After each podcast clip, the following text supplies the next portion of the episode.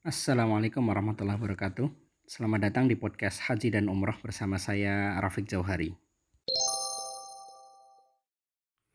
Para pendengar, kita masih membahas kitab Al-Arba'un Al-Makkiyah, kumpulan 40 hadis keutamaan Makkah yang disusun oleh Profesor Dr. Tolal bin Muhammad Abu Nur.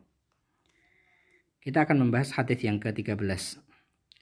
An Ayyash bin Abi Rabi'ah qal Sami'tu Rasulullah sallallahu alaihi wasallam yaqul لا تزال هذه الأمة بخير ما عظموا هذه الحرمة حق تعظيمها فإذا تركوها وضيعوها هلكوا أخرجه الإمام أحمد وابن ماجه وحسنه الحافظ ابن حجر Dari Ayyash bin Abi Rabi'ah ia berkata, saya mendengar Rasulullah Shallallahu Alaihi Wasallam bersabda, senantiasa umat ini akan baik selama mereka mengagungkan sebenar-benar pengagungan terhadap keharuman, kehormatan negeri Makkah ini. Jika mereka meninggalkan pengagungan terhadap kota Makkah ini dan menyia-nyiakannya, pasti mereka binasa. Hadis diriwayatkan oleh Imam Ahmad dan Ibnu Majah serta disahihkan oleh Al-Hafidh Ibnu Hajar. Para pendengar, Perlu kita ketahui bahwasanya Makkah adalah simbol penting dalam Islam. Dalam surat Al-Hajj ayat 32 Allah Subhanahu wa taala berfirman, "Dzalika wa may yu'azzim sya'airallah fa innaha min taqwal qulub."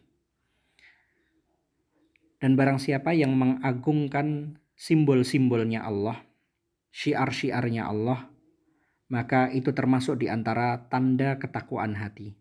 Dan Makkah adalah termasuk di antara simbol-simbol penting dalam Islam. Maka keagungan atau kehinaan yang terlihat dari kota Makkah itu bisa menunjukkan bagaimana kondisi umat Islam di saat itu. Jika di suatu saat kita melihat Makkah itu menjadi suatu negeri yang makmur, negeri yang aman, negeri yang dicintai oleh banyak orang, maka itu bisa menunjukkan tentang bagaimana kondisi umat Islam saat itu. Sebaliknya, Suatu saat ketika kita menjumpai Makkah itu sebagai sebuah negeri yang ditinggalkan, tidak aman, tidak nyaman, tidak tentram, itu bisa menunjukkan tentang bagaimana kondisi umat Islam di saat itu. Nah, ketika kita sudah mengetahui bahwasanya Makkah itu menjadi simbol penting dalam Islam, tidak mungkin bagi kita melepaskan kota Makkah dari Islam membahas Makkah selalu ada kaitannya dengan Islam. Begitupun ketika kita membahas tentang Islam, maka selalu ada kaitannya dengan Baitullah yang terletak di kota Makkah. Maka penting bagi kita untuk mempelajari bagaimana cara kita mengagungkan kota Makkah.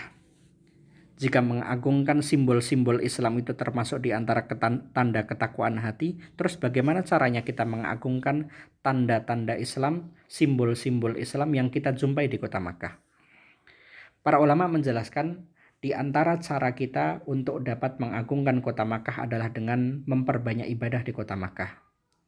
Serta meninggalkan kemaksiatan untuk dilakukan di kota Makkah itu termasuk di antara cara kita mengagungkan kota Makkah.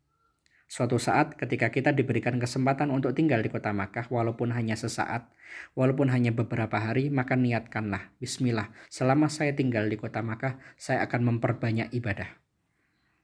Boleh di, memperbanyak sholat, boleh memperbanyak sodakoh, boleh juga memperbanyak zikir, membaca Al-Quran, termasuk di antara hal yang sangat dianjurkan ibadah di kota Makkah adalah tawaf.